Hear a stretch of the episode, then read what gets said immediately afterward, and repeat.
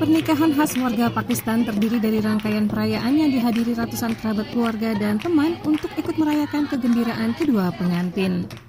Namun pandemi virus corona menyebabkan pesta perkawinan harus diselenggarakan sesederhana mungkin untuk mematuhi peraturan lockdown. Biasanya pesta perkawinan di Pakistan merupakan acara besar, beberapa bahkan mengundang hingga ribuan tamu. Muhammad Salim mengatakan ia awalnya berencana untuk mengundang lebih dari 600 orang ke acara perkawinan putrinya, Ronak. Namun pandemi virus corona telah mengubah rencananya karena pemerintah memberlakukan lockdown yang ketat untuk membatasi penyebaran COVID-19.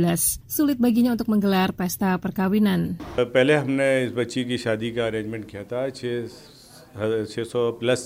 ini merupakan perkawinan pertama dalam keluarga kami.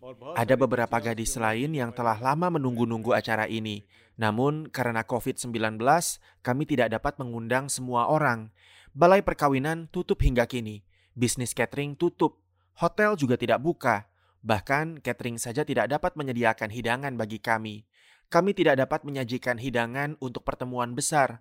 Jadi, kami mengadakan pertemuan di rumah kami yang kecil dan hanya beberapa anggota keluarga yang dapat menghadiri acara ini.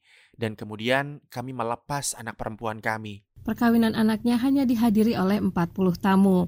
Karena banyak kerabat dan teman tidak bisa hadir, maka acara itu ditayangkan secara live di media sosial. Sang pengantin putri, Ronak Salim, mengatakan, पहले तो बहुत बड़ी शादी प्लान करी थी लाइक 600 people की and now हम घर से Karena pandemi COVID-19, perkawinan berubah hanya menjadi acara untuk keluarga dekat. Tak seorang pun teman saya yang hadir. Semua teman saya benar-benar merasa tidak senang karenanya. Kami bahkan tidak dapat pergi berbulan madu karena adanya restriksi perjalanan di Pakistan. Bersama keluarga dan teman dekat, pasangan pengantin itu memotong kue pengantin mereka. Pengantin pria, Talha Sarik, mengatakan, पूरे पाकिस्तान में तकरीबन 13,000 के करीब शादी हाल हैं जो कि इस लॉकडाउन के अंदर 13 Ini juga aspek baiknya.